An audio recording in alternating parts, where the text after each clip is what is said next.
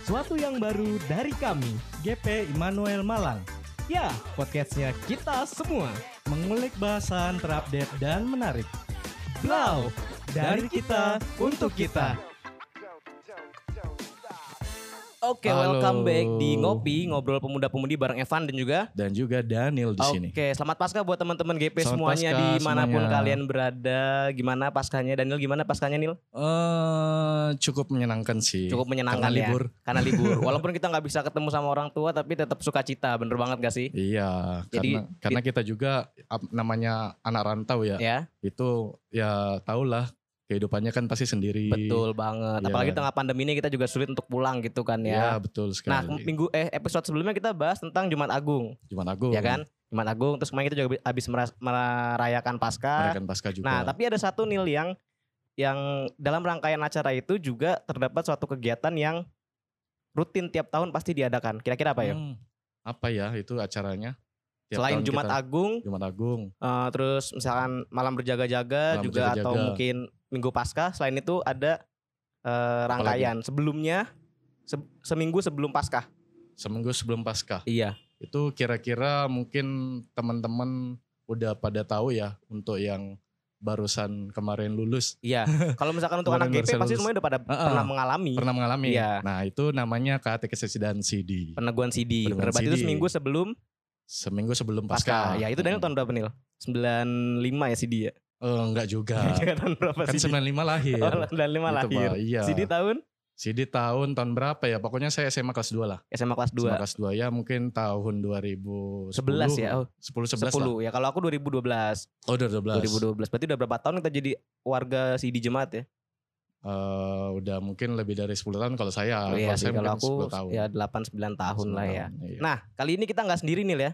Mm-mm, Kita, kita nggak sendiri kedatangan nih. tamu Tamu yang sangat spesial sangat, ya. spe- sangat spesial. Kalau Hmm. misalkan di dalam hierarki di Manuel Malang, beliau ini bisa dikatakan sebagai presidennya Immanuel Presiden. Malang. Weh, Wih. ya kan? Karena pemegang kekuasaan tertinggi di di gereja. Kalau misalkan secara Uh-uh. organisasi, tapi kalau Secara secara organisasi.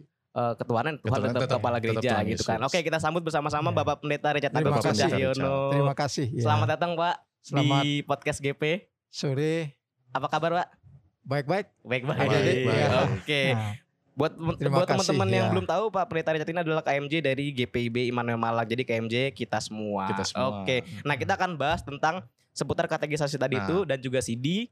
Nah, kan kalau kita cuma bahas berdua tanpa ada sumber yang kredibel, kredibel Ya kan kita- itu kayak masih ada kurang gitu ya. Nah, jadi kita mengundang Bapak Pendeta juga supaya kita bisa dapat ilmu baru, yes. kita bisa dapat ya pengetahuan baru dari eh, kategorisasi kategorisasi dan Iya. CD itu sendiri. Jadi dari sumbernya langsung kita akan berikan kepada Betul teman-teman. banget. Nah, jadi mungkin hari ini kita akan bincang-bincang ya Pak ya tentang eh, tema kita pada hari ini baik. yaitu tentang peneguhan CD dan Iya. mungkin juga termasuk dengan kategorisasi. apa aja persiapan Iya. sebelum peneguhan CD. Oh iya, benar. Termasuk Siap, kategorisasi. siap. Iya. Siap.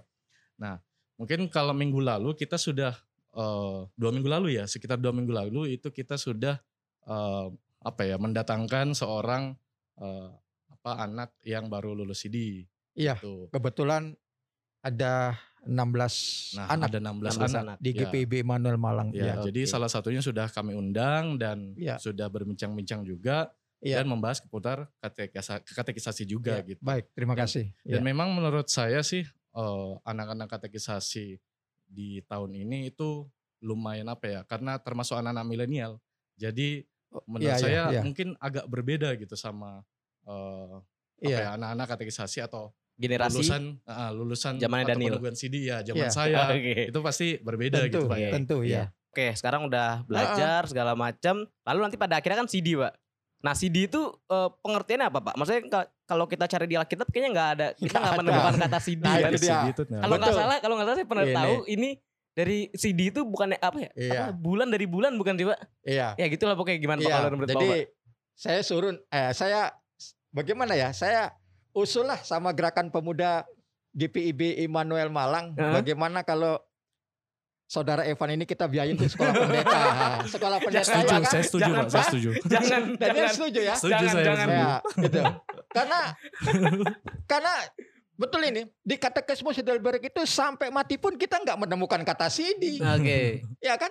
Dulu waktu tahun berapa ya? Tahun dekade 80-an kalau nggak salah ya, Oh. adik-adikku ya. Pas Daniel lahir berarti itu, Pak. Wah. Oh, oh, Kak Jojo. Aku 95. Cucu. Cucu.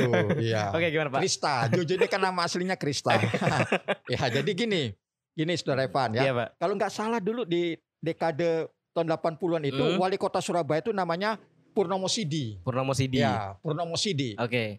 Nah, Purnomo Sidi itu adalah sebenarnya bulan, Hmm. bulan Purnama Sidi yang bulat, yang Sempurna ya, Pak. sempurna. Oke. Dia bukan lonjong, dia bukan kurva, tetapi dia sempurna. Mm. Purnomo Sidi. Nah, Purnomo Sidi itu selalu keluar tanggal 15 dan 16 per bulan. Widih. Oh, setiap, Setiap bulan, bulan. berarti ada, Pak ya? Setiap bulan. Oke. Ya, jadi itu muncul bulan Purnomo Sidi itu. Nah, bulan Purnomo Sidi ini kan bulat ya. Oke. Karena itu dari kata atau dari kalimat bulan purnama sidi ini diambil kata sidinya. Sidi Oke. itu artinya bulat. bulat. Nah, kemudian dikasih apa ya? Dimaknai ya, pengakuan yang bulat, Oke. terus statement yang bulat, Mm. ya, iman yang bulat. Nah, cuman kata bulat ini akhirnya di gereja dirubah juga menjadi segenap. Oke. segenap. Ya, jadi bulan eh, apa? Sidi itu diambil dari bulan purnama Sidi. Oke. Jadi segenap, bulatnya itu segenap. Jadi dia bukan kurva, bukan lonjong, bukan, Bukan sabit. sabit. Iya. Iya, bukan bulan sabit. Nah, saya ingat itu bulan sabit di balik pohon pisang.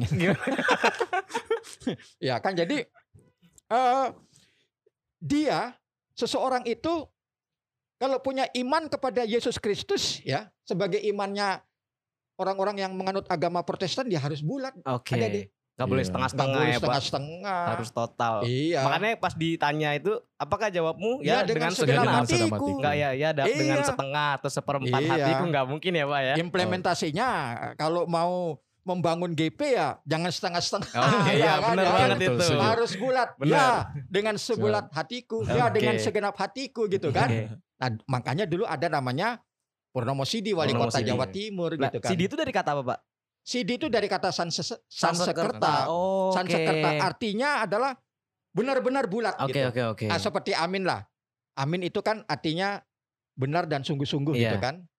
Ada amin, ada. Oke. Nah, itu artinya adalah sungguh-sungguh dan benar-benar. Oke. Nah, Sidi itu adalah benar-benar Benar. bulat dia. Oke. Tidak boleh dipaksakan untuk menjadi lonjong, tidak boleh. Oke. Dipaksakan menjadi kurva, tidak boleh. Oh. Jadi Iya. pengakuannya itu harus bulat Oke. kepada Yesus Kristus sebagai agamanya, eh sebagai Tuhan, Tuhan dan agama juru selamat juga gitu. Iya sih, Pak. Berarti Agama menarik Katolik. banget ya, Pak. Maksudnya ini ada keterkaitan jadi GPB kayak dari katekisasinya kan dari Belanda. Iya. Terus CD-nya dari Sangsekerta. Jadi kayak ada alkulturasi gitu. Iya, bener Pak. Jadi kayak Pempribumian teologi. Oke. Iya, itu yang dibilang pemprim, primu- eh, pempribumian teologi itu tadi. Oke. Karena Belanda kan pasti tahu bahwa akan perang eh, akan kalah dalam perang toh. Iya. Dia pulang ke kampung. Nah, sebelum dia pulang ke kampung diperubumikan dulu, Oke. diperkenalkan dulu kepada orang-orang eh, bumi putra. Oke, oke. Itu agama Protestan. Nah, karena itu kan Belanda kan awal-awalnya masih mensupport ekonomi kan. Ah, Iya. Lama-lama ditinggalkan Lama setelah ditinggal. memang masyarakat eh, Nusantara ini sudah mandiri di Oke. agama Protestan, di dunia Oh. agama Iya, Protestan. jadi mantap. Jadi itu tadi kayak Itu. apa ya asal usul ya asal Iya. usul dari Iya. nama katekisasi dan juga CD. Iya. Itu ternyata punya arti gitu ya. Iya, benar. Iya. Iya, apalagi eh, untuk kita orang-orang pemuda mungkin bahkan yang baru tahu ya atau mungkin padahal sudah sudah apa sudah lulus CD, sudah lulus CD tapi eh, masih belum tahu tentang hal itu eh, gitu. Kadang-kadang cuma ya udah cuma denger aja Ah, gitu ah, kan cuma tapi nggak tahu aja. benernya. Aku kayak gitu sih dulu pas CD. Eh pas katek. Nah, jadi eh ini saya juga penasaran nih Pak. Iya. Ini eh kan kalau kita baptis ya, itu kalau baptis kan biasanya Iya. kita dilakukan sekali seumur hidup gitu. Iya. Nah, kira-kira nih Pak kalau untuk CD ataupun katekisasi atau keduanya, kira-kira sama nggak kayak eh, baptis itu? Maksudnya dilakukan sekali seumur hidup apa bagaimana dalam GPIB sendiri? Iya. Ya, katekismus itu di dalam pelajarannya yang yang 10 poin tadi itu sebenarnya yang dibilang sakramen baptisan kudus untuk gereja Protestan itu sekali untuk seumur hidup, Dek. Oke. Apakah dia selam, apakah dia percik, Hmm. apakah dia pakai debu tayamum ya. Ah, tayamum dalam bahasa Arab itu tayamum ataukah dia pakai bendera seperti bala keselamatan itu Oke. ya tetapi itu sekali Sekali seumur hidup. seumur hidup. Begitu juga eh, peneguhan sidi Oke. Sekali untuk Seumur hidup. seumur hidup. Nah, karena undang-undang pemerintah Republik Indonesia itu adalah eh, kedewasaan diukur dari 17 tahun, Oke. Ya. maka angka itu dipakai ya kepada pemuda dan pemudi ini dalam rangka diambil pengakuannya tadi itu. Oke. Nah, dengan demikian kalau dia eh, sudah mengalami apa? pendewasaan iman di dalam prosesi CD itu, ya, itu adalah karena ditopang usia 17 tahun yang dianggap sudah dewasa tadi itu, maka si anak ini eh, mendapatkan predikat sampai dia akhir hayatnya dia dinyatakan sebagai orang atau sosok seorang yang mempunyai kedewasaan iman. Oke. ya, Cuman ya. begini, Dek. Eh, tadi itu juga eh, apa? Sakramen perjamuan kudus sekali untuk seumur hidup. CD juga demikian.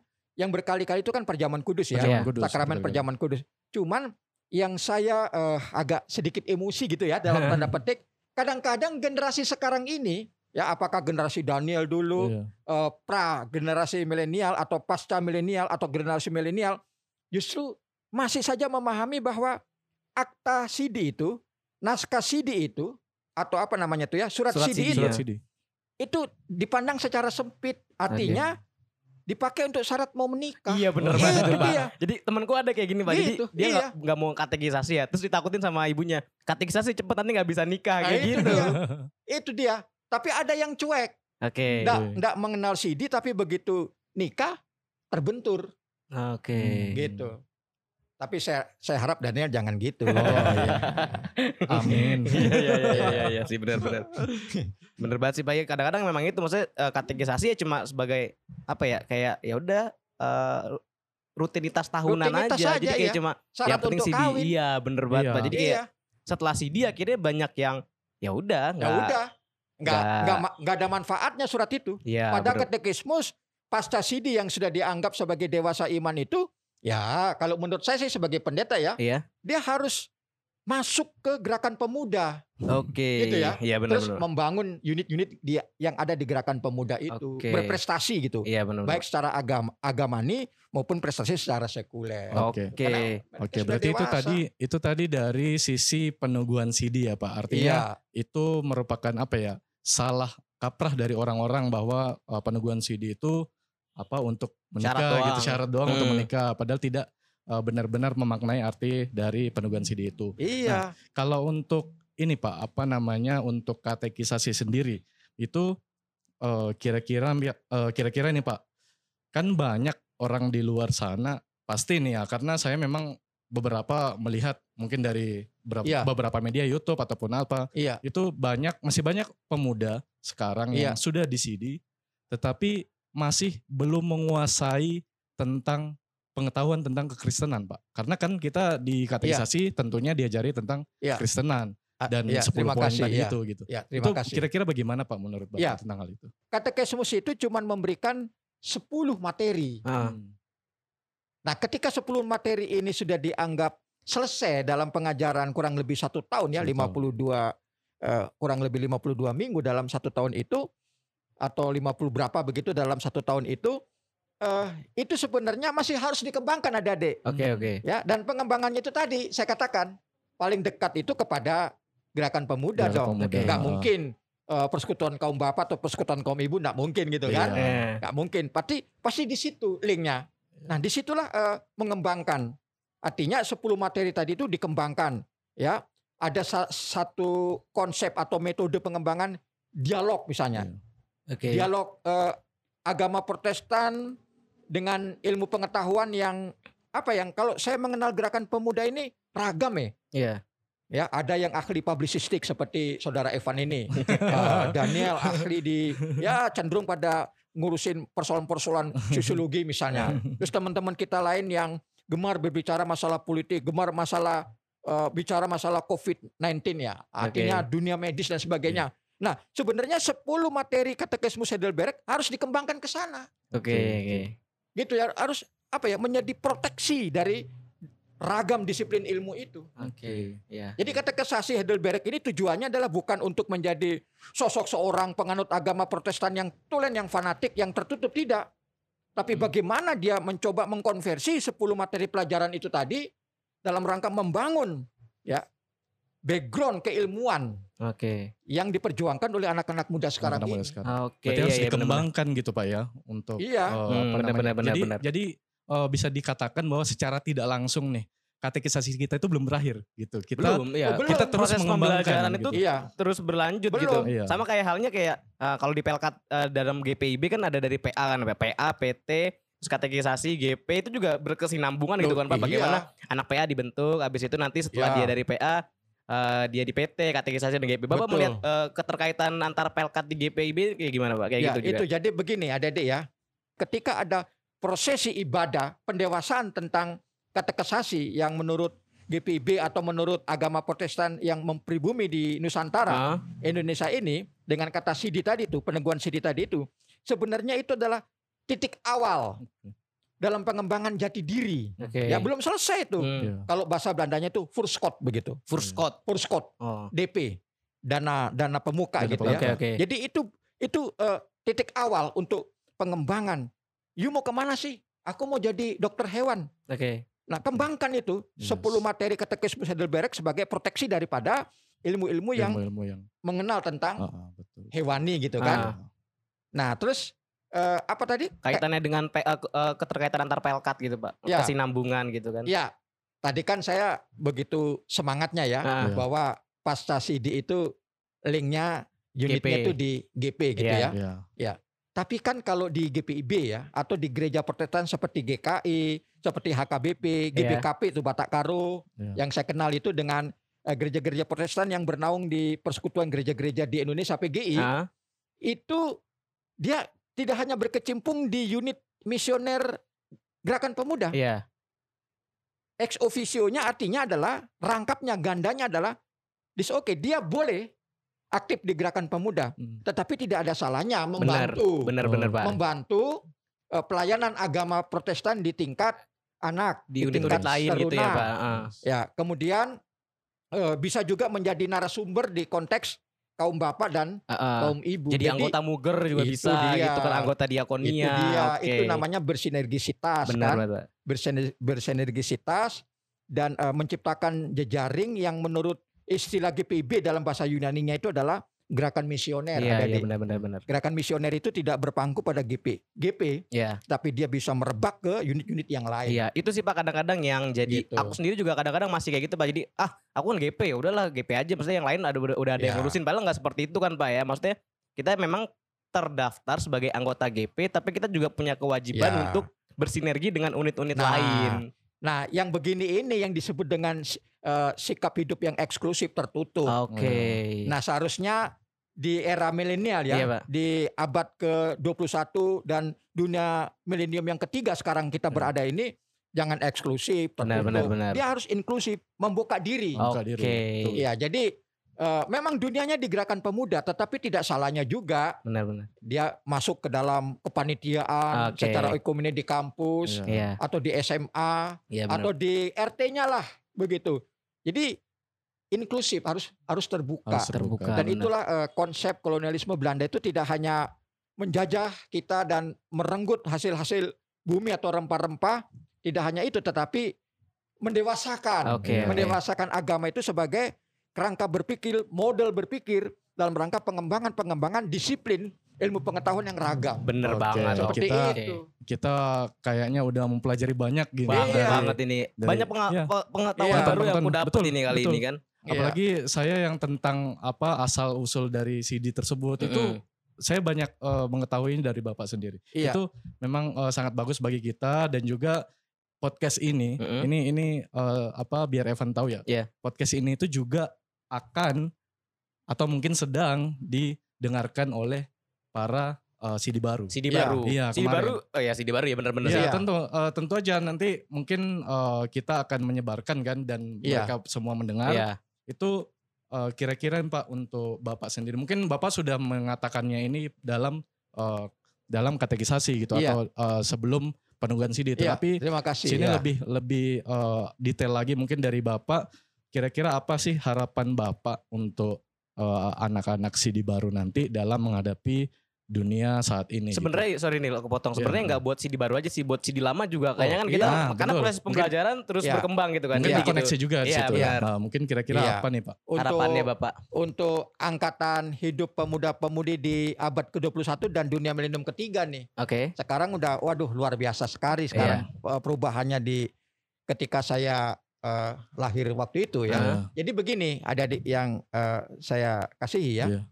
Eh, betul sekali masyarakat yang hidup dalam angkatan abad 21 dan milenium ketiga, ketiga ini yang yang kalau dia masih hidup dia akan mengatakan demikian ini itu bisa menjadi masyarakat yang tidak lagi bisa ditipu oleh nah bangsa asing Oke, gitu Oke, Ya, oke. ya. mempunyai ilmu yang eh, membumi mempunyai teknologi yang mendasar Oke. mempunyai eh, pola-pola pikir yang digitalisasi yang luar Oke. biasa sehingga betul-betul Nusantara ini adalah Nusantara yang bisa melakukan transformasi pola hidup sosio society-nya sosial kemasyarakatannya itu ya di, di era zaman masyarakat bersama ya pasca eh, kemerdekaan yang beberapa puluh tahun kita eh, deklarasikan itu kita proklamirkan itu melalui Soekarno Hatta masyarakat Indonesia ini masyarakat Nusantara ini jangan go public lah. Hmm. Tetapi bisa nggak pertanyaannya go internasional. yang Okay, yang bisa okay. menjual ilmu kita di Belanda misalnya. Okay. Di Jerman misalnya atau di Swiss misalnya. Masyarakat pribumi tidak lagi bisa dibohongin. Ya, lebih cerdas gitu, Lebih ya. cerdas. Benar, benar, benar. Lebih cerdas dan tidak lagi eh, bisa dijajah bangsa asing. Iya, itu sekali. juga harapan buat kita sebagai uh, anggota ah, begitu. CD baru anggota ataupun CD, baru, CD yang udah lama juga kita harus, lama, iya. harus terus Belum belajar gitu. Iya, Bagi saya ke-16 anak Sidi kemarin itu yeah. jangan berbangga dulu selesai. Yeah, Belum bang. selesai. Yeah. Masih cukup rentang panjang iya, riwayat yeah, yeah, bener, sejarah hidup mereka. Bener, bener, bener. Mereka harus menjadi seorang dokter hewan, mereka seorang ekonom misalnya. Yeah. Mungkin saja kayak kayak salah seorang GP ini ya menjadi pendeta. Ya, saudara iya, iya. ya menjadi pendeta. Ada yang menjadi pendeta, ada yang mau menjadi pilot misalnya, okay. ada yang menjadi pelaku bisnis misalnya. Ya, itu sebenarnya adalah sudah tertanam di dalam pikiran si katekismus Heidelberg. iya, Jadi iya benar, dia benar, tuh benar. bukan bangsa yang apa ya, mewakili Belanda yang yang jahat gitu Yang tidak, jahat, oke. tetapi sambil menyelam minum air gitu ya, Nah. sambil menjajah, sambil melakukan imperialisme, kolonialisme, tetapi dia menyadarkan masyarakat. Nusantara ini, bumi putra ini untuk menjadi eh, generasi yang kalau sekarang ini minjam is- istilah sekarang ini adalah generasi yang milenial, Oke, Hmm, generasi generasi yang tidak bisa tidur kita. Iya. Milenial itu pengertiannya bukan cuma eh, lahir tahun segini segala macam, Oh, tapi tidak. pemikirannya juga harus milenial gitu Iya, kan, tidak. Pak ya, harus mengikuti perkembangan Iya. zaman yang ada. Yang lucu kemarin saya dengar dari salah seorang warga jemaat, Pak Pendeta, 16 anak CD ini adalah alumni COVID. Ah, saya nggak senang itu. Alumni COVID, saya nggak senang itu istilah Iya, itu, iya, gitu iya, kan. iya. Karena yang dimaksud dengan alumni COVID ini adalah selama satu tahun pelajaran katekisasi lewat Online. Zoom meeting, Online. iya, Ah, online. betul, Iya, betul, iya. Betul. begitu. Apa pun kalau kita melakukan apa dengan Zoom meeting atau online itu, itulah milenial. Iya, Ah, mengikuti perkembangan yang Itulah ada, bener kritik. Pak. Ya. Itulah kritik sosial, keilmuan untuk Iya, kita. iya, Itulah kelebihannya gitu Pak Itu, ya. Ah, itu. Betul, betul. Nah, sekarang Oke. bagaimana? Ya, Oke. dulu saya lahir belum ada yang begini-begini, Iya, tapi iya. sekarang dituntut begini. Oke. Karena Iya. itu saya bisa kenal, oh ini light apa lite ya lite lite gitu ya Iya. bacanya light gitu kan oh Oke. ini WhatsApp gitu kan nah ini harus memang Iya, benar benar tidak benar. tidak hanya bagi katekisan atau eh, orang yang mengikuti katekisasi gitu. Nah, tapi buat Untuk semua- mengajarnya juga Eh, loh, iya, benar kan kayak mengalami perkembangan Hmm, gitu ya. Karena harus harus me- apa ya, mengikuti apa ya karena kondisi kan jadi Kondisi, harus ah, betul, inovatif betul. kayak Ah, gitu. ah, Loh, ah. saya punya mertua tuh loh usianya 84 tahun Mm. hampir tiap hari apa miss call itu loh pakai video itu Waduh. canggih nih Iya, ini iya, nih. ini ini kalau bangsa ketemu katekismus Heidelberg masih hidup ini Eh, waduh Bangga ya Bangga. musik berhasil saya. Bangga, iya itu mertua saya 84 tahun Oke. Jadi ini tantangan buat teman-teman GP yang Iya, Tantangan. tantangan yang buat teman-teman. pertuanya Pak Peneliti aja bisa Iya, gitu kan apalagi iya. kita masih muda gitu Iya. nih lihat. Nah juga Iya. kalau Daniel gimana harapannya buat teman-teman CD baru Hmm, dan juga CD yang udah lama gitu. Ya, jadi satu hal sebenarnya yang aku poin banget dari Pak Pendeta juga dan mungkin juga pesan dari eh, saya juga Hah? untuk teman-teman eh, dari CD baru ataupun CD lama juga itu bahwa pembelajaran kita belum selesai Oke. gitu. Mungkin kita bisa menerapkan. Jadi ada dua dua jenis yang saya eh, poin di sini. Yang pertama dari segi pengetahuan dan penerapan. Oke. Di mana penerapan ini kita bisa lakukan mungkin di kehidupan kita ber, dalam bermasyarakat Ah, ataupun mungkin teman-teman yang akan berkuliah ataupun eh, sedang berkuliah ataupun yang sudah bekerja ah. itu untuk eh, apa ya mengkoneksikan dari pengetahuan kita ke menerapkan pengetahuan kita ke masyarakat itu sendiri. Itu yang pertama yang dari penerapannya. Ah, Tetapi dari segi pengetahuan kita juga belum selesai gitu. Oke. Kita bisa mencari tahu dari eh, mungkin Ya. dari Betul, betul. eh, khotbah-khotbah ataupun seperti apa Hmm. kita bisa belajar dari sana. Mungkin juga karena generasi milenial kan kita punya banyak opsi gitu. Banyak kita akses untuk banyak mengakses akses gitu-gitu untuk, kan. ah, Ya. ki- kita bisa dengarkan Iya. podcast ataupun kita juga bisa menonton YouTube Ah. ataupun sebagainya gitu. Jadi pesan aku buat uh, teman-teman ya seperti itu terus tetap terus belajar gitu. Terus belajar. Iya. Ah, ah, dan Kan- juga tetap uh, berusaha untuk menerapkan dari apa yang dia pelajari. Oke, terima kasih banyak Pak Pendeta atas waktunya Oh, bersama iya. kita Iya, pada terima kasih banyak, malam hari ini. Ini luar Sama-sama. biasa banget hari eh, ini. ya. Salam Terima sehat kasih. buat Bapak dan Ibu. Ya, puji Ya. Tuhan. Oke. ya. Dan juga buat teman-teman Ya. CD baru dan juga CD lama ditunggu eh apa ya? keaktifannya, Eks- eksistensinya. eksistensi, bukan Wih, cuma dalam lingkup gereja aja tapi juga Iya. dalam mema- me- menapaki masa depan kita Iya, masih masing-masing. masih ada selanjutnya nih. Oke. Ada ada tahap selanjutnya. Iya ya. benar. Satu saja, pendek aja. Iya, Pak. oke. Ya, jadi eh, anak-anak CD tahun lalu Iya, itu pada kirim WA ke saya Hmm. oke. dan isinya WA itu semuanya sama. Mereka itu senang bisa diterima di Brawijaya lewat jalur undangan. Oke. Oh, undangan. Pak Pendeta, puji Tuhan. Ya. Puji Tuhan, apa yang kita pelajari kurang lebih beberapa tahun yang lalu saya sudah diterima lewat jalur undangan. Hmm, puji Tuhan. Dan saya tetap berjuang Pak Pendeta bagi yang belum nanti tanggal 25 April ini ada ujian masuk di Brawijaya. Oke. Hmm. Pokoknya tetap eksis kami Pak Pendeta. Oke, Iya. nah itu benar banget salah Itu. satu Iya. contoh yang Iya. eksistensi Ya, itu. Walaupun di Ah, dalam hati betul. saya bagaimana nanti kalau nggak diterima di Brawijaya. Ya, pa- pasti Tuhan punya jalan Pasti tersendiri. ada, pasti, ada, pasti punya jalan ada sendiri. Unmer ya Iya, kan? iya benar Ya, benar benar. Ada ITN apalagi Iya. gitu ya. Ah. Banyak, Pak. Ya, yang paling bagus UKCW gitu. Oke, kalau gitu teman-teman eh, jangan lupa terus saksikan episode-episode ngopi Iya. selanjutnya dan juga episode Blow Podcast ya Nil ya. Ya nanti selanjutnya mungkin kita akan berbincang-bincang lagi mungkin ada orang yang lain akan kita undang Iya, ataupun siapa gitu. gitu. kan itu akan menjadi kejutan buat teman-teman. Atau mungkin teman-teman mau ikut gabung sama kita itu Nah, sangat betul, dipersilakan banget langsung ya. aja Iya. di DM di Instagram, GP. kita. Oke, kalau gitu terima kasih teman-teman semuanya. Terima kasih Terima Pak Pendeta Pak untuk Pendeta, terima kasih. teman-teman. Ah, jadi Terima jangan kasih, ya. jangan lupa jangan lewatkan podcast Blau dan juga tunggu episode-episode selanjutnya yang pasti akan menarik. Oke, Evan Iya. pamit. Daniel juga pamit. Sampai Iya. Jumpa. Dah. Dadah. Ah.